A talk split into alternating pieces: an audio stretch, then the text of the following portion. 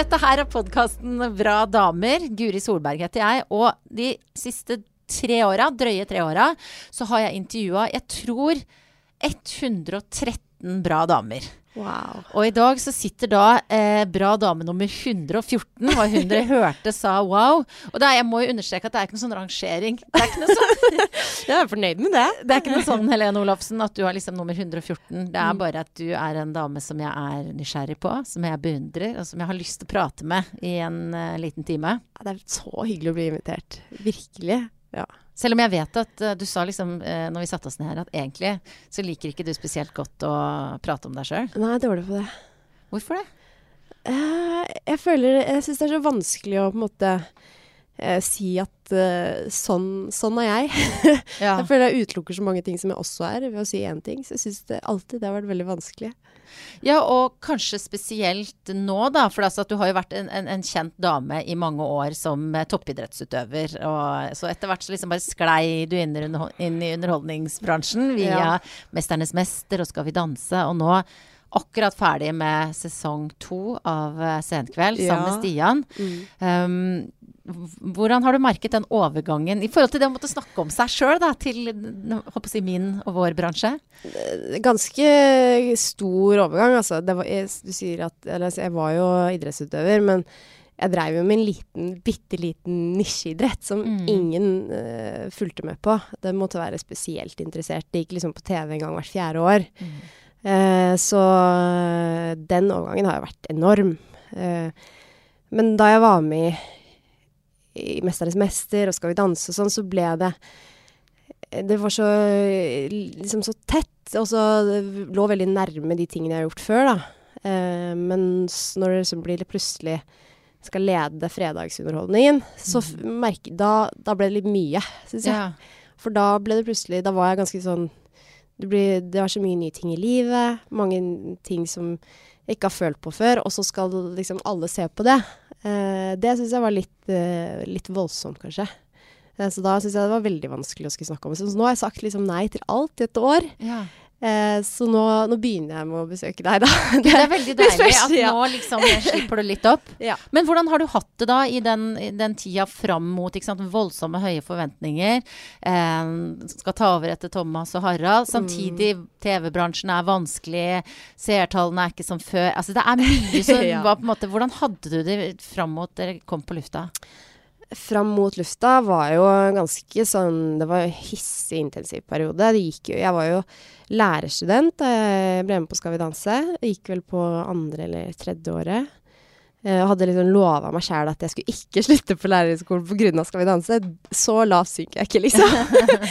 Men så fikk jeg tilbud om uh, Idrettsgallaen, og da skjønte jeg at det her går ikke opp, liksom. Eh, og jeg har alltid vært en jeg, jeg hater å gi meg, men samtidig så hater jeg å gjøre ting halvveis. Så da liksom bestemte jeg meg for ok, nå får jeg denne sjansen, da går jeg for det. Eh, så midt i en sånn der åtte timers undervisningstime om eh, foreldre eller lære-hjem-samarbeid, så bestemte jeg meg for dette her eh, legger jeg litt på is. Så da eh, nå, nå glemte jeg spørsmålet, merka jeg. Nei, men jeg, hvordan du hadde det? Da. Hvordan jeg hadde det. Ja. Mm. Eh, og så gikk det liksom så ett i ett, for da var det Idrettsgallaen, og så dro jeg til OL, og så ble det bestemt at jeg skulle jobbe for TV 2. Og da hadde jeg liksom hele sommerferien booka opp med Tour de France og eh, VM i Russland, og så rett over på, eh, på Senkveld. Og vi hadde jo én pilot før jeg liksom dro på de sportsturene. Eh, pilotsending er sånn sending man eh, liksom prøver, prøver seg Mm. Ikke ferdig studio, fem stykker i publikum. og ingenting som var bestemt. Det var bare sånn skyt og stup-stemning. Og jeg visste jo, jeg hadde aldri intervjua noen, eller jeg visste ikke hvem altså, De kjente jo ikke meg, disse folka som, som hadde troa på meg, liksom. Jeg syntes det var så rart. Så det, det var ganske Det var brutalt, altså. Det var jo bare sånn Måtte bare lære meg å ikke gjøre det bra, på en måte. For jeg husker jeg meldte så vidt med deg akkurat da det ble kjent at du fikk den jobben. Og da tror jeg du svarte noe sånt som at det er bra jeg ikke vet hva jeg gjør. Ja. Eller noe sånt. Ja, ja. Um, og, og på mange måter så det, var det kanskje en fordel at du var en, en slags fersking, da, som ikke Altså, kom, her kommer jeg. Ja. jeg prøver, altså, i, I hvor stor grad tror du det har hjulpet deg til å ikke dø av tror det var? Helt vært eh, helt avgjørende. Jeg hadde jo Mm. aldri gjort det igjen. For nå, nå, nå hadde jeg visst hva jeg gikk til. Ja. Eh, så det tror jeg var helt, helt avgjørende. Mm. Eh, men så har jeg fått litt sånn ettersmell, da. Fordi jeg er ikke så god til å tenke gjennom ting før jeg gjør det. Men jeg er veldig god til å tenke gjennom ting etter jeg har gjort det. ja. Og da blir liksom eh, selvevalueringa ganske brutal, da. Hva er det du har tenkt nå, da? Nei, jeg, jeg, jeg blir ofte Jeg er veldig sånn Jeg er veldig følelsesmenneske, da. Så vi har jo masse gjester innom og liksom vil jo at de skal ha det bra, de skal være kjempefornøyde, og at de skal liksom føle at de har prestert, og at vi har lagt til rette for de, og at alle de som sitter hjemme og, har valgt å se på Senkveld, liksom syns det er hyggelig, da.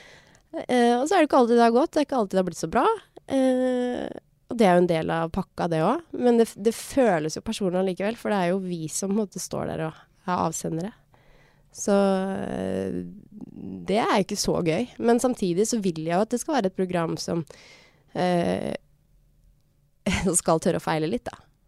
Ja, hvordan lever du med det? Å gjøre, si hvis du tenker tilbake på et intervju, og så tenker du at nei, det, det gikk helt sånn passe. Hvordan Ja. lever du med å ha en sånn prestasjon på deg? Um, jeg er jo vant til at ting ikke kommer gratis.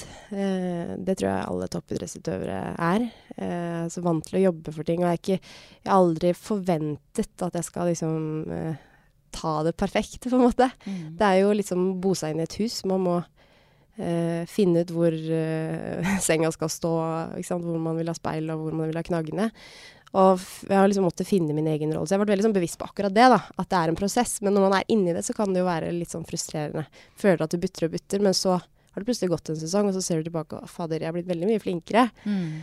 Um, så jeg tror jeg takler det ganske bra, men det er jo Så jeg, jeg vet jo at det eneste måten å gjøre det bra igjen på, er å gjøre det bedre neste gang, på en måte.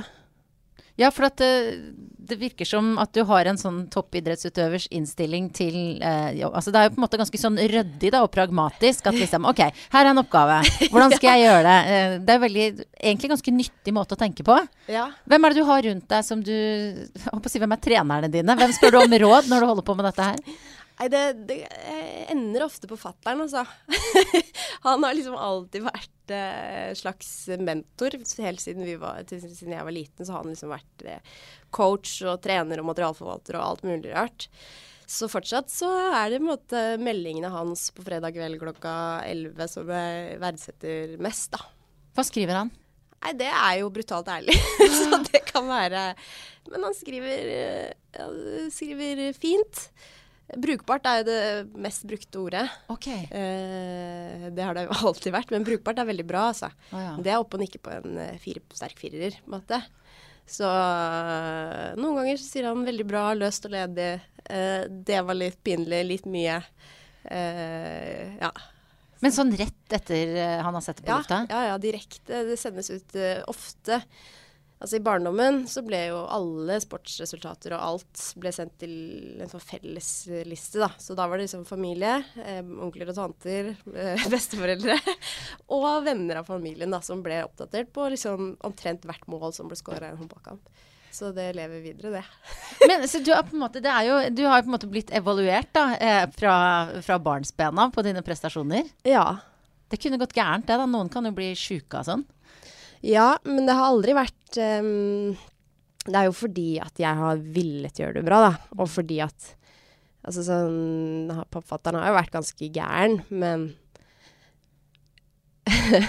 det har jo fortsatt alltid vært veldig eh, lekbetont og lystbetont. Så det har jo selv om han valgte å kalle intervallet for fartslek, så, så var det alltid når jeg, eh, når jeg tenker tilbake, så har det alltid vært sånn indre drive, og det jeg har hatt mest lyst til, er jo å forbedre meg og bli bedre og pushe meg og eh, ja, komme til det stadiet at du kan leke, da. Mm. Jeg hørte deg sagt eh, så fint en gang at eh, bare spør om jeg husker det riktig, at så lenge jeg var i bevegelse, passet jeg inn? Eller altså, du sa et eller annet om ungdomstida di, hvor det ikke var mye helgefilm, men det var ikke sant? Trening med fattern og konkurranser og Ja, du var stadig i bevegelse. Eh, og sånn oppfatter jeg deg eh, fortsatt. Ikke sant? Jeg kjenner deg ikke godt, vi er gode kolleger. Følger deg på Instagram og sånn. Du er jo bokstavelig talt konstant i bevegelse. Ja, nå føler jeg at jeg har fått en veldig sånn voksen jobb, da. Med mye kontorsitting og sånn. Men eh, jeg liker veldig godt å være i bevegelse. Jeg hater å sitte i ro. Jeg får liksom vondt i kroppen av det. Eh, jeg tror jo det er vel sånn grunnleggende for alle mennesker, ja, å være i bevegelse. Bare at jeg har liksom kanskje hatt mulighet til å gjøre det mer enn andre, da. Så jeg har på en måte vedlikeholdt det litt eh, bedre, kanskje. Så det er liksom så livsviktig for meg. Da føler jeg at eh, det er jo veldig banalt, da, men da føler jeg at livet liksom har mening, og at da kan jeg slappe av bare være i øyeblikket, på en måte. Ja, for det det er det jeg tenker på. En ting er jo det åpenbare, at du har levd av å ha en kropp som funker. ikke sant? Men ja. hva betyr det for deg sånn uh, mentalt? Eh, Kjempeviktig. Uh, vi har alltid, når fatter'n og jeg var ute på joggetur, så var det alltid snakketempo. Så da Ja. kunne vi liksom snakke gjennom ting og tenke gjennom ting. Og, eh, så det er fortsatt, eh, selv om jeg ikke kan jogge lenger pga. dårlige knær, så eh, er det fortsatt den der at hvis jeg er ute og kjører i bakken, setter på masse musikk, eh, så får jeg liksom eh, tenkt gjennom ting. Jeg får liksom ro og tid til å tenke, da. Um, og og få bort litt gruff, rett og slett. Da. Det er jo veldig sånn, du blir, jeg blir jo veldig lykkelig av det. Uh, så da er liksom den lykkefølelsen mye sterkere enn eh, den gruffen som kanskje henger igjen fra uh, andre ting. Da. Så det er liksom en slags sånn uh, cleansing, Ja, ja, ja. for å bruke et eh, moderne uttrykk. Mm. Hva, er er, hva er ditt gruff som regel består av? Uh, tja, det kan være Det kan være så mangt, men jeg er jo veldig sånn Hvis jeg har gjort en ting jeg syns er uh, dårlig eller flaut eller um, Ja. Eh, jeg er jo jeg er jo litt konfliktsky type, så hvis jeg ikke liksom har fått Jeg venter veldig lenge med å ta konflikter. så ofte så må jeg liksom tenke godt gjennom det før jeg skal ta konflikter. Så sånne ting også. At jeg bare liksom ikke har ferdigtenkt ting. Mm. Eh, det lager mye støy i hodet, da. Så jeg må liksom komme, tenke det til slutten, og så kan jeg liksom legge det bak meg. Men er det sånn da at hvis du da skal ta en sjelden konflikt, da, Ja. eh, eh, legger du en strategi for hvordan så sier jeg det, og så sier hun det, og sånn, eller? Ja, det kan jeg gjøre, men da, det ender jo ofte med at jeg ikke gjør det allikevel, da. For da kommer jeg frem til at eh, kanskje hvis jeg bare liksom eh, litt positiv forsterkning der, eller Ikke sant. Så kan man jo ofte løse ting med sånne ting òg. Mm. Eh, man trenger ikke alltid ta den krangelen, da. Jeg føler jo veldig sjelden at krangling, det driver jeg egentlig ikke så mye med, altså. Husker du når du krangla sist? Nei. jeg gjør ikke det. Men er det fordi at du, du, du renser ut ting når du er ute? Jeg tror kanskje ute? det. Mm. Ja. Og så er det jo veldig ofte at uh, Jeg tror jo veldig på at de fleste vil uh, vil liksom gjøre det bra og vil uh, leve bra og være lykkelig og liksom få det til best mulig. Så hvis man klarer å liksom lage et et rom for det, da, at folk kan eh, lykkes og trives, så tror jeg at de fleste ting bare fikser seg. Og det tror jeg Det, sånn, det stemmer jo som regel òg. Mm. Noen ganger så må man jo selvfølgelig diskutere ting, og jeg liker å diskutere. Men den derre kranglinga, den fører ikke ofte så med seg så mye godt. Hvem er det du diskuterer med, da? Er det på jobben, eller er det hjemme? Ja, på jobben diskuterer vi masse. Eh, det syns jeg er veldig deilig. Og hjemme òg kan vi diskutere. Eh, og jeg har jo vokst opp med at det er sånn diskusjonsforum rundt eh, middagsbordet, liksom. Så jeg er veldig sånn Jeg er glad i å prate. Mm. Ja. Og nå har jo det blitt, eh, blitt jobben din, da. Ja. Hva, hva, hva tror du om eller hva, Er du sånn som har ambisjoner? For det ser jeg for meg, i hvert fall som idrettsutøver, så er man jo veldig opptatt av det å sette seg mål, og hva er neste skritt og sånn. Hvordan Ja. er det nå, Helene? Ja, sånn, eh, det er jo litt sånn For utenforstående så virker det som at idrettsutøvere altså, Det er jo også det at man vil oppnå mål og liksom Ja, nå sa jeg bare at det var sånn. Jeg har jo egentlig Ja. ikke peiling. jeg er ikke noen sportsjournalist. Nei, men det er mer sånn derre indre greie, tror jeg. For meg har det i hvert fall alltid vært det, da. Å mestre og liksom få ut mitt potensial, da. Um, og, men nå har det vært liksom Å komme inn i den der senkveldpakka og sånn, har vært Jeg måtte ha en litt sånn annen innstilling til det. For jeg, jeg har liksom ikke visst hva som er bra, eller hva som er dårlig. Det finnes ikke noe oppskrift, liksom. Det er ikke førstemann i mål, og så, Nei, og så vinner noen. Og det er ikke heller meningen at jeg skal vinne, tror jeg.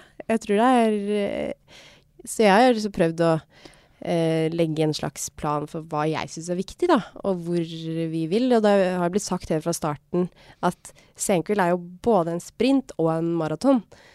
Og det skjønner man ikke Jeg skjønte ikke helt det før jeg sto oppi det.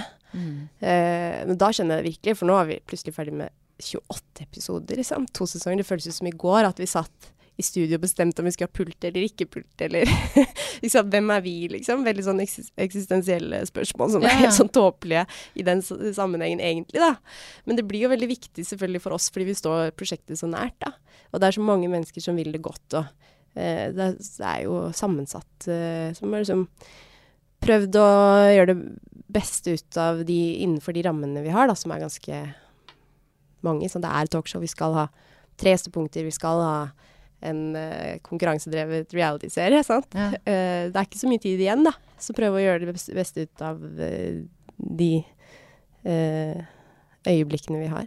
Og det som jeg syns er imponerende med deg, og som jeg er veldig glad for, er jo det, ikke sant. Som du sier, du kom inn og du visste jo ikke hva som var bra og ikke. Og så har du en hel haug med folk rundt deg eh, som kan TV, og som Ja. skal lage dette. Og så eh, skal de putte deg inn i en eller annen eh, bås eller rolle. Ja. Men så virker det som du har hatt jeg vet ikke, trygghet eller et eller annet til å på en måte eh, være den du er, eller være med å forme en ganske sånn, litt sånn sterk rolle, da. Eh, hvordan har du opplevd dette fra innsida? Dette er jo sånn jeg ser det på TV. Ja, det er ganske riktig det, altså. Eh, veldig mye sjefer i TV-verden har jeg funnet ut. Eh, så veldig mange som mener ting. Em, og det har jo vært litt sånn Jeg har aldri vært noe spesielt glad i sjefer, da, for jeg har alltid vært min egen sjef. Ja. Eh, så eh, det har vært litt utfordrende, jeg skal innrømme det. Men samtidig så er det en sånn saying i idrettsverdenen at det, du må liksom finne dine folk. Sant? Du må finne hvilke personer du skal, kan stole på. Mm. Eh, så når du først har funnet de, så er det greit. For da trenger du ikke å ta alt annet eh, for en sannhet, da. Mm. Mm, men jeg, jeg føler jo at jeg har klart å være meg sjæl, men samtidig så er det jo ting som jeg føler jeg har gjort som ikke er så veldig meg også. men? Men det var jo en Hva del av prosessen. Nei, det er jo noen sånn, ikke sant eh, Skal være, prøve å være litt vittig og sånn, da. Det syns jeg ofte er veldig vondt, hvis det er ting jeg ikke syns er så veldig morsomt selv. Men så gjør man sant, litt for laget, prøver så godt jeg kan, og da kan jeg heller si neste gang at vet du hva, det der funka faktisk ikke. så da dropper vi den neste gang. Eh, så det har jo vært en del av det jeg har sagt ja til, da. At jeg har sagt ja til å liksom tørre å feile. Det ble jo skrevet litt om da dere starta vet ikke, setningen eh, tvangsekteskap. Ble brukt litt sånn humoristisk Ja, ja. om deg og Stian Blipp. Ja. Eh, hvordan har det vært å finne sin plass ved siden av ikke sant? Han, ikke sant, var sånn, når dere begynte, han er jo da per def en dyktig programleder, og det er jo sjukt irriterende at han kan jo liksom rappe og steppe og gud vet hva. hvordan, hvordan har det vært å finne sin plass ved siden av en fyr som sa, misforstå meg rett, tar mye plass, da? Ja. Um, nei Det har jo Altså, han har vært utrolig raus, da, med meg. Og fordi at han kunne jo fint leda det programmet sjøl. han kan jo alt, liksom. Han er liksom Han har jo villet komme hit hele livet og har jobba for det og er liksom Han er fantastisk. Uh, så eh, det har jo vært, jeg skal innrømme det har vært litt sånn vanskelig for meg å se sånn hva jeg skal bidra med inn i, eh, i den duoen, da. Um, men så har vi eh, Jeg føler at vi har hatt veldig sånn god dialog, og særlig egentlig når ting har butta litt, da. Når vi sjøl har følt at det har butta, så har vi liksom møttes, møttes litt på bånn. Ja. Eh, og det føler jeg at vi har liksom vennskapet har vokst eh, veldig på. Eh, så vi har klart å snakke, snakke fint om det, og vært ganske sånn løsningsorienterte, da. Eh, samtidig så er det jo igjen det der at jeg har jo ikke sittet med noe fasit. Og jeg har nå gått inn i det med en mye sånn større tålmodighet enn det han har gjort. sant? For han har jo følt at dette her er liksom Alt han har lært skal kulminere inn i dette prosjektet. Mens jeg har vært sånn Ja, dette her kommer nok til Altså, jeg må liksom finne min plass. Eh, Så vi har vært litt sånn vi har hatt helt forskjellig inngang. Mm. Eh, Men at han har på en måte gitt meg tid til å finne den plassen, syns jeg er, jeg syns jeg er veldig fint. Men tror du ikke nettopp det, at du hadde den andre innfallsvinkelen, har vært utrolig bra for han og for programmet? Kanskje. Jeg har ikke fått eh, nok på avstand ennå til, til å se det. Men uh, det kan godt hende. Og apropos på avstand, nå er det jo da altså eh, noen dager inn i altså Om ikke ferie, så i hvert fall fri fra senkveldtyranniet. Ja! Hvordan, hvordan er dagene dine nå som du ikke skal på TV hver uke? Mm, Nå eh, er det jo litt sånn opprydningsuker. Prøver å få gjort alt som på en måte har blitt utsatt. For når vi er i sesong, så føler jeg at den ene dagen bare spiser den andre. Eh, ikke at det er utelukkende negativt, altså, men tida går himla fort. Så nå er det litt sånn opprydning. Og så skal jeg ta litt ferie. eh, fra i hvert fall voksenjobben, da. og så kanskje gjøre litt mer sånn egne prosjekter og prøve å få skrudd på huet litt igjen. Før det blir sånn sopplignende konsistens på hjernen i slutten av sesongen. Så sånn, det går ingenting inn eller ut eller Og når, når du sier at du skal på ferie, da er det antageligvis et sted hvor du kan klatre og surfe og Ja. sånn alt på en gang? Ja. ja. Hva er det du skal for noe? Jeg skal planlegge en tur til Brasil. Oi. Mm. Eh, aldri vært i Brasil, så planen er å surfe litt. Dra litt inn i jungelen, se fine ting og slappe helt av. Og da, altså, jeg bare regner med at du skal gjøre deg sammen med kjæresten din. Ja, selvfølgelig. Som, som på en måte i den, alle dere andre som også følger Helene på Instagram, er med i alle disse videoene hvor Helene hele tiden er i bevegelse, så er hun, da, er hun det stort sett sammen med en uh, kjekk bergenser som, uh, som du traff da du var med på Skal vi danse. Ja. Eh, nå så jeg akkurat en video på VG-nett hvor det var sånn 'Skal vi danse-forbannelsen'. Så var det om liksom internasjonalt, da. Om hvordan liksom man går inn i 'Skal vi danse' og er i et forhold, og så går man ut av det eh, med et ødelagt forhold eller en ny kjæreste fordi man eh, blir sammen med dansepartneren sin. Ja. Eh, du passer vel inn i den eh, eh, Ja. forbannelsen der. Jeg gjør det. Eller velsignelsen. Eller velsignelsen. Ja, Mm. nei, ja, jeg gjør det, altså. Det er egentlig veldig ulikt meg. Jeg, tenker, altså, jeg har jo reist med gutter hele livet, og aldri vært i nærheten, liksom, av noe sånt. Men um, det ble noe sånt til slutt, da. Selv om jeg ikke skjønte det mens vi holdt på. Så å danse, altså. Så eh, Jeg bra at du måtte legge til jeg måtte legge til det. Jeg hørte det. Jeg hørte den. Så eh, det tok litt tid for meg å skjønne at det, liksom, at det var noe mer, da. Men jeg skjønte jo fort, jeg husker jeg sa til eh, han som var kjæresten min på det tidspunktet, at jeg sa veldig tidlig at eh, Først så sa jeg liksom Herregud, jeg har fått en sånn halvfeit bergenser, liksom. Slapp bergenser og dans, men dette går jo aldri bra. og så sa jeg ganske sånn tidlig i sesongen at eh, jeg tror faktisk Jørgen og jeg tror vi er liksom sjelevenner. For vi, vi matcha veldig bra, liksom. Snakka om ting. og på det tidspunktet så visste jeg jo ikke Eller jeg, jeg trodde i hvert fall ikke at jeg var forelsket, sant. Jeg visste i hvert fall ikke Skjønte ikke det. Eh, Så det tok nå en god stund eh, til, men jeg sa tidlig at uh, jeg tror jeg har funnet min sjelevenn, liksom. Så nydelig, for, for man skulle jo tro sånn utenfra, sånn er den der klisjeen om at man danser veldig tett og kjenner en sånn tiltrekning, at det er liksom det Mm. fysiske som kommer først. Ja. Men dere bonda på prating. Ja, vi gjorde det, altså. For det er jo uh, For meg så var det Skal vi danse-greiene utrolig sånn personlig. Uh, veldig sånn Altså, det er jo brukt opp, så jeg skal ikke si det. Men det er veldig annerledes enn alt jeg har gjort. Og det der å skulle liksom by på seg sjæl på den måten, eh, både sånn showmessig og sånn veldig personlig og privat, da. Eh, det var Det bytta stritt liksom veldig mot. Så eh, så han måtte liksom, vi måtte snakke oss gjennom noen av de tingene, da, for Ja. at jeg skulle liksom tørre å, å slippe litt løs, eller ikke synes at det var så farlig, eller liksom ikke være perfekt, da. Fordi klar, man lærer ikke å danse på to måneder, liksom. Men jeg har aldri dansa før, og jeg syntes det var forferdelig. Bare jeg strakk ut en arm, så hadde jeg liksom jeg, jeg trodde ikke jeg var så veldig selvhøytidelig før jeg gikk inn i det, men jeg merka at jeg var det. Jeg, jeg, altså, jeg møtte meg sjøl så himla i døra, altså. Du vet, det er morsomt at du sier for at eh, når folk har spurt om jeg ville vært på Skal vi danse, så sier jeg at jeg tror at jeg er litt for selvhøytidelig. Ja. For at jeg tenker at på et vis så tenker jeg å, jeg har Tenk om jeg hadde blitt skikkelig god. Og så merker jeg at, liksom, at jeg kanskje tror det også, Mm. men så vet jeg ikke om jeg hadde tålt å innse hvor dårlig jeg egentlig er. Nei. Nå var jo ikke du det, da. Men jo, jeg var egentlig det. Jeg var jo det. Jeg hadde like mye poeng som Trude Drevland i første program. Å ja, nettopp. Ja.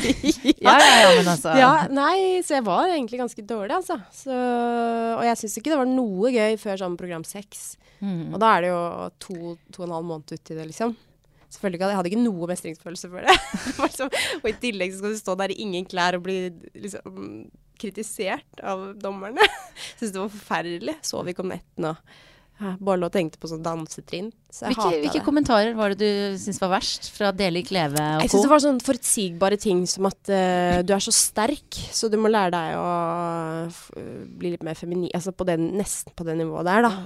Det, det var veldig sårt, husker jeg. Syns jeg var vondt. Fordi eh, jeg har jo mye muskler og har liksom alltid vært eh, sterk, da. Og det jeg har drevet med, har jo vært om å gjøre å være raskest og eh, mest eksplosiv og liksom trøkke til, da. Mm. Så det å liksom skulle stå og strekke pent på en arm, og være feminin på den måten, det var i utgangspunktet ganske sånn eh, vanskelig for meg. Og det å da få kritikk for det i tillegg, det syns jeg var kjipt. Men, men mista du litt luven av det, eller klarte du å liksom finne din versjon av uh, danserinne?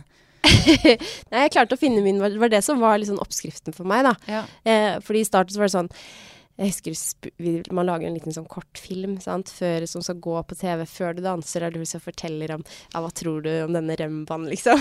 jeg vet ikke hva rømba er.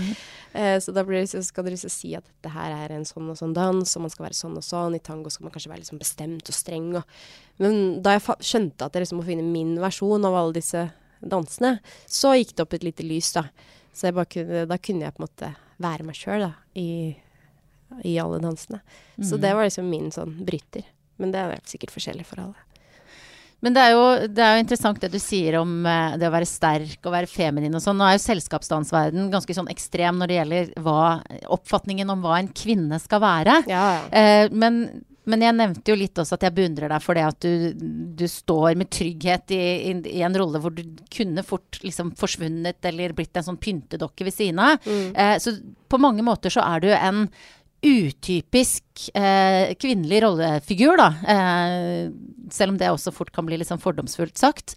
Fordi du er sterk, og du er tøff, og du er uredd, og mange ting som selvfølgelig mange kvinner er, men som ikke er sånn typisk fremstilling av damer, f.eks. på TV, da. Um, hvor mye har du tenkt over, holdt jeg på å si, hva slags, hva slags dame du vil være, nå som du er liksom en dame som synes for så mange? Som jeg sa helt innledningsvis, da, så, så, så er jeg veldig dårlig på å definere det. Så jeg har Ja. tenkt veldig lite Eller jeg har tenkt mye, men ikke kommet frem til noen konklusjon. Jeg har fortsatt ikke noe i, eh, i bioen min på Instagram, liksom. Så øh, jeg, jeg er litt sånn Blir tilgitt mens jeg går, liksom. Mm. Uh, og er jo ekstremt Jeg elsker jo den derre smerten før du kommer til uh, at du klarer en ting, da. Så jeg elsker jo å prøve nye ting. Uh, fordi at jeg har erfaring med at det er da jeg vokser mest og lærer mest og på en måte kommer til en, en ny sånn 2.0-versjon, da. Eller 3.0, eller hva man skal kalle Ja. det. Eh, så jeg er liksom ikke redd for den derre jobbinga og den, der, den smerten, liksom. Eh, og det tror jeg mange er, da. Og da er det jo lett å gi seg, men det er da man liksom må holde ut, da. Mm. Så jeg tror nok at siden jeg har det litt sånn innprenta, eh, både fra idretten og ehm, fra erfaringer utenom idretten, så, så er jeg nok flink kanskje til å holde ut da, i de situasjonene og liksom jobbe på. Mm. For jeg vet liksom at det kommer snart. Ja. Og jeg har jo, det tror jeg er sånn personlighetsbasert, at jeg er nok en person som alltid har sett for meg sånn Hva hvis jeg klarer det? Mm. Satt og sett for meg Jeg så alltid for meg selv på toppen av den pallen i OL. Jeg så jo aldri Jeg tenkte jo aldri på liksom sånn Hva hvis jeg kommer sist? Og det er jo ganske sånn typisk eh, jentete, da. Um, alle har jo liksom litt av begge deler, men det er jo veldig ofte at jenter er veldig sånn Ja, men hva hvis jeg ikke klarer det? Mm. Uh, og det er jo ikke så veldig farlig, det heller. Mest sannsynlig så klarer du ikke. Nei, Nei så Ja, det, er det litt sånn. Så det er derfor jeg syns av og til jeg merka derfor spørsmålet mitt ble så langt når jeg stilte det. For Ja. det, i det jeg sier 'du er jo en utypisk jente fordi du er sterk og tøff', så ligger det ganske mye eh, fordommer i Altså, Ja. man skal være forsiktig med å liksom kategorisere sånn andre veien, selv om det er hyggelig ment også. Ja. Jeg mener bare at det er eh, Det trengs et mangfold, da. Eh, og det er nok av eh, damer som stilles i en litt sånn passiv, enten fordi de er det, eller fordi de blir plassert i en litt sånn passiv pyntedokkerolle. Mm. Eh, og Ja. da er det kult med sånne damer som deg, som er, som jeg snakker om, du er i bevegelse, og du er sterk, og du er uredd. Og det kunne både gutter og jenter lære litt av, da. Ja, øh, kanskje. Mm. Jeg tror liksom Vi er forskjellige, da. Ja. Eh, men eh, for meg i hvert fall så er det liksom det derre å være i bevegelse, som du sier. Altså den stillesittinga, den dreper meg. ja. Og så jeg må liksom hele tiden føle at jeg er på vei et sted, tror jeg. Mm. Eh, jobbe med noe, eller om det er i hodet, eller om det Altså Det tror jeg er viktig. Og ja, det er mange ting jeg har prøvd på i livet som ikke har, gått så bra òg. Så Hva da? For eksempel eh, idrettskarrieren, da. Det ble jo liksom aldri sånn som jeg hadde tenkt. Det var noen skader og noe greier som gjorde det, men, Ja. men samtidig så Ja, hva, hvor skuffa er du over det? Jeg er veldig skuffa over det. Mm. Det er, det er jeg ærlig på, liksom, at det um, Det er jo som et sår som liksom ikke kommer til å gro, men jeg tror også jeg lærte veldig mye av det. Mm. Og perioden etter. Uh, og det er kanskje det som sitter sterkest i meg, at hadde det ikke vært for at jeg sa ja til det eller det eller så hadde jeg jo mest sannsynlig ikke hatt det så bra, da. Du tenker at det ledet deg et sted? Ja. Mm. Jeg bestemte meg jo for liksom, Jeg har jo studert det sånn mens jeg var aktiv, sånn veldig på si og veldig halvveis, da. Men uh, ikke sant. Jeg ville jo alltid bli snowboard. Ikke? Det var plan A og plan B og plan C. Jeg hadde liksom ikke noe alternativ. Det var ingenting annet jeg ville. Og jeg har vært bortskjemt med å ha den derre utømmelige motivasjonen og gnisten for en ting. Det er ikke alle som har i livet i det hele tatt. Og jeg, kun, jeg var veldig sånn på at jeg var veldig redd for ikke finne det igjen. Og det har jeg kanskje heller ikke funnet. Mm. Uh, men jeg har jo funnet ut at jeg kan Jeg har jo den gleden ved å bare leke på snowboard eller surfe eller sånn, Så jeg får jo liksom den derre litt samme følelsen Mm. av det. Um, så det er jo jeg er veldig takknemlig allikevel for at jeg har liksom den derre bevegelsesgleden i meg. Men den derre gnisten og liksom motivasjonen, utømmelig motivasjon for å så komme et sted, den tror jeg kanskje ikke jeg kommer til å finne igjen i livet, på en måte. Uh, men det er ikke så farlig. det går fint. Jeg så deg eh, I siste sending så hadde dere Tiril Sjåstad Christiansen som uh, gjest. Eh, og hun har jo en uh, på mange måter en parallell, parallell, uh, Parallell. Historie, historie med deg. Ja. Også god i idrett, også skada, og også gitt opp, lagt opp i ung alder. Og Mm. når hun forklarte eh, Beskrev følelsen av at eh, dette Hun kjente at nå skulle hun ikke fortsette mer. Nå var hun ferdig. Hun hadde ikke den gløden som du snakka om. Da ble du skikkelig rørt. Mm. Eh, det bevega deg, og det rørte et eller annet i deg. Hva var det som skjedde inni deg da når hun fortalte om det? Tidligere har jeg veldig sånn like historier, og jeg tror nok det er noe sånn, Vi har jo møttes oppe på Olympiatoppen der og sittet og sykla på den sykkelen for sant, tusende dagen på rad. Eh, eh, og vi liksom Jeg tror at eh, Eller Tiril har vært i samme situasjon, hun skjønner greia, sant. Eh, og det er, er, tror jeg ikke er så lett for folk som ikke har vært der, da, å forstå det. Eh, for det høres ut som en sånn idrettsutøver som ga seg pga. skade. Det er ikke verdensundergang, det, liksom. Um, men når det er så stor del av deg, og du liksom har jobbet så jæklig hardt for det, sant, ofra alt, da, så er det ganske sånn Det er en sånn Det er en død, på en måte. Sant? Du mister jo en veldig stor del av deg selv, og det er liksom Det er ikke bare det at sånn, Du mister jo både eh, liksom, drømmene og gleden, og det er så mye, da. Um, så tror, jeg blir veldig sånn Jeg blir veldig rørt når jeg snakker om det. Mm. Mm. Ja, men jeg forstår det godt, for det er på en måte en definisjon på hvem du er, da. Og så plutselig så har du ikke det lenger. Hvem er du da? Ja. Ja. Og så, så er det liksom Du får det ikke tilbake, da. Det er Mm. borte. Sant. Det er um, Det å liksom jobbe så ærlig for en ting, og så miste det, er jo vondt, da. Mm. Mm. Hvor stor del er den sorgen av deg nå? Ikke den som, som dere hører på stemmen. Ja. Ser du har gått med tårer i øya? ja. Så ligger jo den der alltid, men det er ikke noe jeg liksom tar frem eh, på, på, til vanlig. Nei. Bare noe sånn som meg kommer og krafser og graver. Men så har de jo Å, Helene. Å, sorry. Går det bra? Og jeg skjønner det der, fordi jeg har jo ikke vært i en bransje hvor jeg har vært så sjukt god i en idrett som det du har, men jeg har jo hatt eh, Jeg har faktisk hatt en periode nå hvor jeg har liksom Hva skal jeg si? Ikke funnet gleden eller motivasjonen til å gjøre det jeg elsker, da, som er eh, eksempel dette. Altså, dette er ålreit, altså. Det er ikke sånn at jeg sitter og sliter nå. Eh, og det er jo nettopp det der med at Ja, men hva hvis det er borte? Hva gjør jeg da? Hvem er jeg da? Hvor skal jeg gå videre da? Og det er jo på en måte fordi at eh, programledelse og sånn, det er jo på en måte det Det er jo min uh, snowboardkjøring, for å si det sånn. Hvordan klarte du sånn, Selv om jeg ser på deg nå og skjønner at dette her er liksom sånn Ok, dette er noe du kommer til å jobbe med kanskje hele livet, sant? Hva er det når du, når du var der, og på en måte så har, sitter du her du er i dag og gjør det kjempebra eh, på et annet felt. Hva er det du gjorde for å komme deg videre? Hvordan liksom graver man seg opp av den grøfta? Eh, for meg så var det egentlig bare det der at eh, jeg måtte slutte å synes synd på meg sjæl, på en måte.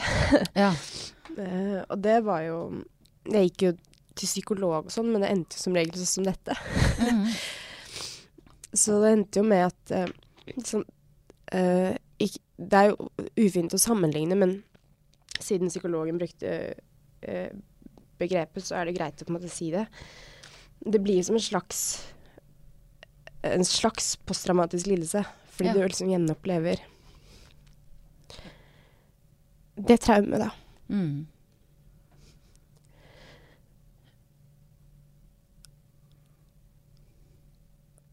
Og det endte jo med at hun sa vet du hva, det her tror jeg ikke Jeg tror ikke vi kommer så veldig langt eh, av å snakke om det. Eh, og det tror jeg var helt riktig. Så det er liksom um, Jeg har jo bare valgt å ikke liksom, tenke så mye på det. Altså, det er som det er, på en måte. Ja. Og så var jo det å ha det, Kjæresten min på det tidspunktet var jo veldig, veldig flink, og liksom på et tidspunkt eh, ba meg få huet litt ut av reven og på en måte Brukte han de ordene? Bare ja. for en nysgjerrig. ja. eh, ræva. eh, men eh, ja, og så prøve på noe annet, liksom. For det er ikke sånn at jeg bare kan én ting. Det er jo ikke for seint. Liksom, livet er jo ikke over. Mm. Så da var det bare det å tørre, da. Og liksom gjøre noe helt annet. Så da ble det norsk på lærerskolen. Jippi! Var det der? Eller altså, nå mente jeg ikke å ironisere over norskfaget. Jeg har et litteraturvitenskap mellomfag sjøl, Ja. men, men, men var det det? Var det en sånn glede du kan Eller var det litt sånn Det var jo ja, ikke noe it? barnedrøm, eh, akkurat. Men det var ingenting annet, sant. Så da måtte jeg bare prøve det, og da bestemte jeg meg for å liksom Da går jeg for det. Mm. Eh, og det bare Jeg husker sånn første skoledag ble ropt opp, så tenkte jeg herregud, hva er det jeg har gjort? Liksom Skulle reise meg opp og si hva jeg het og hva jeg drev med og hvor jeg kom fra. Var jo liksom nesten eldst i klassen da. Mm.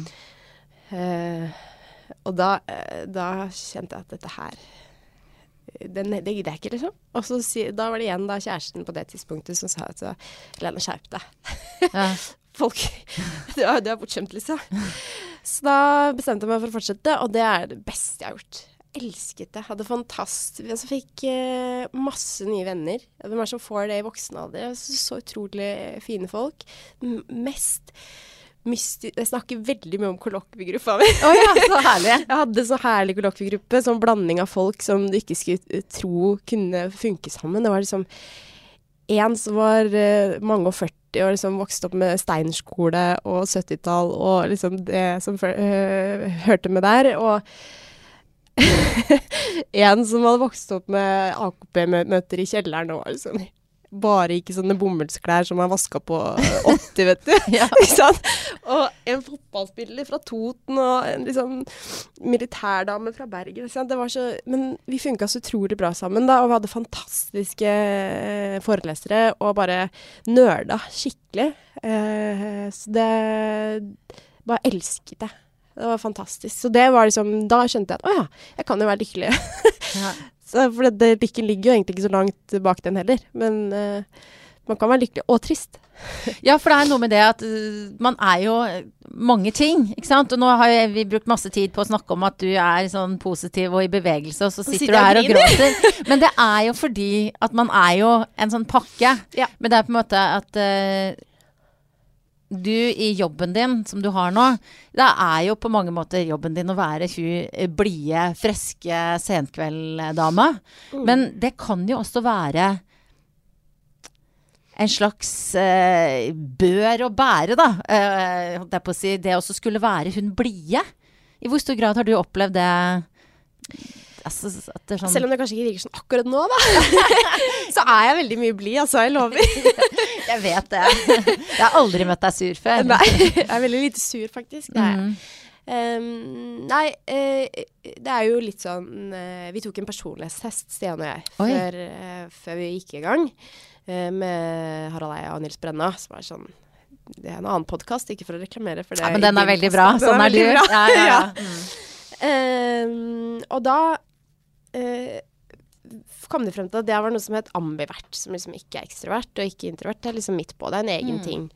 Eh, og introverte folk tappes jo ofte veldig av å være veldig ekstroverte, sant? som er det jeg må være på senkveld. Da. Eh, og jeg elsker det, men jeg kjenner også at jeg har veldig behov for den derre eh, alenetiden Mm. eh, etterpå. Og egentlig eh, ikke nødvendigvis rett etterpå. Jeg er ikke sånn som drar rett hjem og liksom Åh, nå må jeg være liksom låst meg inn på et rom. Det er ikke der. Men jeg, jeg trives veldig godt med begge deler, da. Så jeg, ser, jeg føler ikke det som en bør. Uh, men så kommer det jo alltid de dagene hvor det skjer kjipe ting, sant. Og da er det veldig stort sprik mellom uh, det du føler på innsiden, og det du på en måte må være på utsiden. Um, og det er jo litt sånn forbannelsen over det yrket. Mm. Ehm, samtidig så kan det også være litt sånn befriende, eh, ikke sant. Fordi da må du allikevel finne den det lille lykkerommet, da, eller eh, det lille området hvor du liksom Hvor det fortsatt er ekte. Mm. Hvilke dager har det vært vanskelig å Eller en befrielse, kanskje, å finne fram til den gladjenta? Når du har hatt andre ting å tenke på. Ehm, Ja, det har vært eh, Jeg var jo midt oppi et uh, brudd i starten av sesongen. Uh, Ja. Og da var det jo veldig Veldig vanskelig, men også deilig å kunne på en måte bare være til stede i liksom de tingene som skjedde på senkveld. Så det um, Da var det liksom For det har alltid vært veldig sånn at når jeg, når jeg skal gjøre en ting, så klarer jeg liksom å få bort alt det andre. Og konse- på noe, og så stenge av noe annet. Mm. Ehm, så det, det syns jeg var deilig. Mm. Mm. Nå skal jeg ikke spørre mer om hvordan var det bruddet egentlig? Bare, bare skikkelig bare plager deg i dag, Helene. Ja. Nei, men det er jo sånn Jeg tror det er veldig, jeg er jo sånn, jeg tror det er veldig viktig å føle på alle følelsene, da. Sant? Det er jo Første gang jeg skadet meg, så var jeg veldig opptatt av å liksom komme tilbake. Jeg Var veldig sånn skyggelappene på og bare stengte av alt, da. Mm. For det er ikke sånn at man bare kan stenge av en hel følelse. Man kan ikke bare stenge av liksom tristhet og så forvente å være ekte glad, på en måte. Sånn funker det ikke. Ehm, så da er man jo liksom rett på vei ned i uh, depresjon, og det er ikke noe gøy. så jeg er veldig sånn Jeg omfavner følelser. Ja. Selv om jeg på en måte kan stenge av et rom, eh, så, kan, så stenger jeg ikke av en følelse. Det er litt sånn forskjell. Men det er kanskje bare noe jeg opplever, eller tenker i mitt eget hode. Nei, men det er et fint bilde. Det er, jo, det er jo noe vi må prøve på alle sammen. Det er jo litt vanskelig av og til Ja, å omfavne det som kommer. Men det er litt sånn det som er litt deilig med TV, da, at du skrur på det røde lyset, og så har du egentlig ikke noe valg. Nei. Det er sant. Mm. Du, jeg spurte deg om du kunne ta med noe som sa noe om hvem du er. Ja. Oi, svarte du på meldinga? Var det vanskelig? Ja, så Ja. jeg måtte spørre, spørre, spørre Jørgen, da, kjæresten. Eh, så han sa det jeg skulle ta med denne. Det hadde vi ikke venta, sa han. Nå er jeg spent på hva Du tar fra! er det sånn Det klirrer i flasker. Og en tekanne! Ja. Å, den var veldig søt og blå Ja, og med blomster. Nydelig. ja, for det er egentlig er det, Fortell, når drikker du te fra denne? Eh, det drikker jeg ofte eller sånn på kvelden. Mm. Ja. Når det har blitt litt mye kaffe. Jeg er veldig glad i kaffe, da. Oh, ja, ja. Eh, men jeg er også veldig glad i store tekopper, så det er, den er jo, det er egentlig litt rart, for den er jo Det er bare nok til én av de tekoppene jeg drikker, på en måte. Ja, ok. Men den er veldig, jeg er veldig glad i sånn, eh, sånn, sånn eh, Jeg veldig Jeg liker å lage mat og liksom være rundt matbordet, da. Så ja, setter litt sånn Den er jo eh, litt sånn tullete romantisk. Eh, men Veldig fin. Ja, jeg syns det er koselig. Ja, for det var litt sånn at jeg, jeg tenkte jeg måtte spørre deg om liksom Når er du rolig? Ja. Men det er kanskje rundt den søt, søte kanna her, da? Jeg er ganske ofte rolig, altså. Mm. Men det er bare det at jeg må på en måte bevege meg litt først. Mm. ja. Har du bevega deg i dag, forresten? Eh, nei, jeg er veldig dårlig på morgenen. Ok, Eh, ja. Jeg er ikke noe sånn A-menneske i det hele tatt. Så jeg har aldri vært sånn som trener før frokost og sånn. Veldig imponert over alle som driver med det. Mm. Så det er ikke. Jeg så Katarina Flatan var ute og løp klokka sju i dag. Ja, det skjer ikke. Nei, ikke her heller. kanskje skjedd Jeg kan telle på én hånd i Mm. livet. Men, men hva skal du seinere i dag? I dag skal jeg spille tennis med Jørgen. Ja. Det er eh, altså det er Fader, altså dere, altså dere Jeg får lyst til å flytte inn sammen med dere. Ja. For dere er altså så nydelig kjærestepar. På jeg en er veldig sånn forelsket, vet du. Ja, men altså, hvor lenge har dere vært sammen? Det er det så Ja, vi, vi ble vel sammen sånn rundt august i fjor. ja. Er dette også Er det litt sånn blurry her nå fordi Ja. det var et Ja, ja, jeg skal ikke grave i det. Ja, litt sånn flytende overganger. Må være lov. Ja. Det ble jo slutt med eksen i mai i fjor, Mm. eh, så da var det jo noen tøffe måneder der. Og så eh, bestemte vi for oss for at vi skulle være kjærester i august-ish i fjor. Ja. Ja, ok. Så vi har jo nesten vært sammen et år, da. Hva slags øyeblikk var det, sånn når man bestemmer seg for å være kjærester? Hva, Det hvordan var mer skjedde det? sånn fra, fra min side så var det mer sånn Ja, det er vel ikke noe å lure på, kanskje. Sånn, det er ikke noe vits å nekte mer nå. Eh, og så var det veldig sånn at eh, vi hadde det veldig gøy sammen, da. Det var så lett å være sammen. Og eh, vi kan liksom Jeg føler at jeg kan være alene med han, hvis du skjønner. Mm. Eh, så det Ja, livet var så lett og fint. Det er sånn jeg vil at livet skal være. Mm. Så mm, mm, det var egentlig bare sånn Jeg navigerer jo veldig mye i livet, altså ut fra magefølelse. Og det var veldig god magefølelse. Ja. Ja. ja, men du, man skal ikke kimse av det. Magefølelsen er bare Selv om det er vanskelig å beskrive hva det er for noe, da, og Ja. vanskelig å finne den, men det er i hvert fall veldig Ja, man kan i hvert fall kjenne på en energi, da. Ja, klart det. Og man kjenner når det er feil. Ja. Mm. Så hvis du lurer på om det er feil, så er det mest sannsynlig det. Ja, det er sant. Men med Jørgen virker det som der er det ingen skjær i sjøen. Uh, Nei, ikke foreløpig i hvert fall. Altså. Det er veldig sånn tullete, tullete forelsket. Men det elsker jeg, så jeg tenkte å holde på så lenge som mulig. Ja, det er nydelig. Du, jeg pleier alltid å stille gjestene mine tre sånne ganske kjappe, overfladiske spørsmål. Ok. Eh, hva spiste du til frokost i dag? Jeg spiste det var veldig fisefin frokost i dag, på Oi. Bristol. Nei. Ja, altså. Ja. Sånn liv har du? Nei, jeg har egentlig ikke det. Men i dag så spiste jeg hotellfrokost. Det var litt sånn eh, debrief-møte med sjefen. Ja. Ah, ja. Mm. Ah, ja. Han spanderte, da. Han spanderte. Ja, ja, ja. ja men så var han fornøyd med deg? Eh, Ja, han sa det. Ja. Ja. Ja, Hva tror du Han ikke syntes jeg helt var en hyggelig person. Nei, jeg tror aldri helt på Jeg tror mest på pappa, vet du. Ja, nettopp. Ja. Ja. Mm. Eh, Hvor lang tid brukte du på å finne ut hva du skulle ha på deg i dag? Uh, det er faktisk veldig kort tid. Jeg vil si Jeg tok det første, så det går vel innenfor et minutt, da. Oi, det er kjapt, da. Ja, Det er veldig kjapt. Jeg pleier faktisk å være ganske treig. Skifte et par ganger og sånn. Men det, hvorfor, er, kommer det av forfengelighet, eller? Nei, jeg tror bare at det føles Det er magefølelse igjen, da. nettopp, ja. ja. Ja. Ja.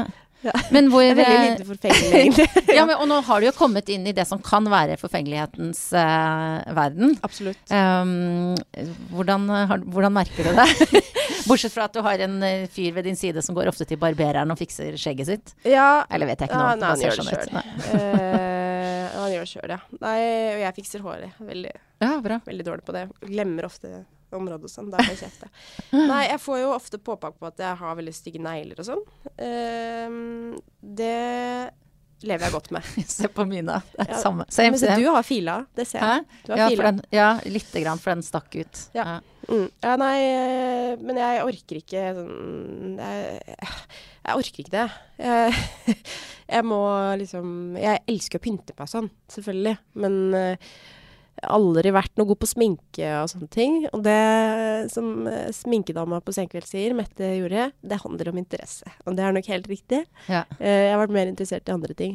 Eh, så jeg liker jo Jeg liker å pynte meg, liker å føle meg bra, men når det begynner å liksom ta over livet og, og planlegge det og sånn, da er det veldig dårlig. Så jeg kommer jo ofte med vått hår.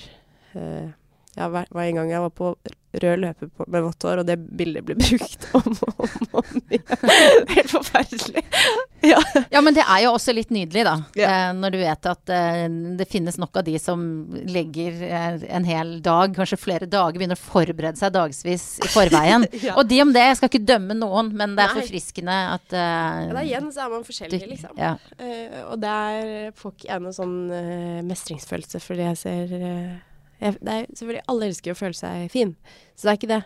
Eh, og jeg beundrer folk som på en måte klarer å planlegge om. Men så kommer jeg til den dagen, så føles det ikke riktig allikevel, så da er det på en måte bortkasta. Det er det samme. Ja. Du, når hadde du sex sist? Uh, I går. Ja, jeg visste det. For at det, det, du svarte egentlig på det i forrige spørsmål med den Ja. der nyforelska gløden din. Ja.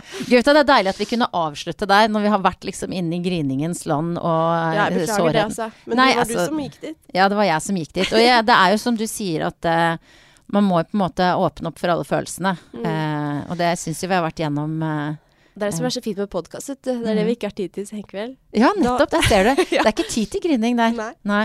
Selv om jeg så en tåre i øyekroken din da, på Ja siste sendinga. Det blir litt sånn akutt grining. Ja. Men man har ikke helt mulighet til å gå så veldig i dybden. Nei. Nei. Jeg er veldig glad for at eh, du kom hit og tok deg tid til å gå i dybden med meg, da. Tusen takk for at jeg fikk komme. Jeg har bare lyst til å spørre deg til slutt. eh, hva syns du eh, definerer en bra dame? Eh, ei som tør å være seg selv. Takk skal du ha, Helene.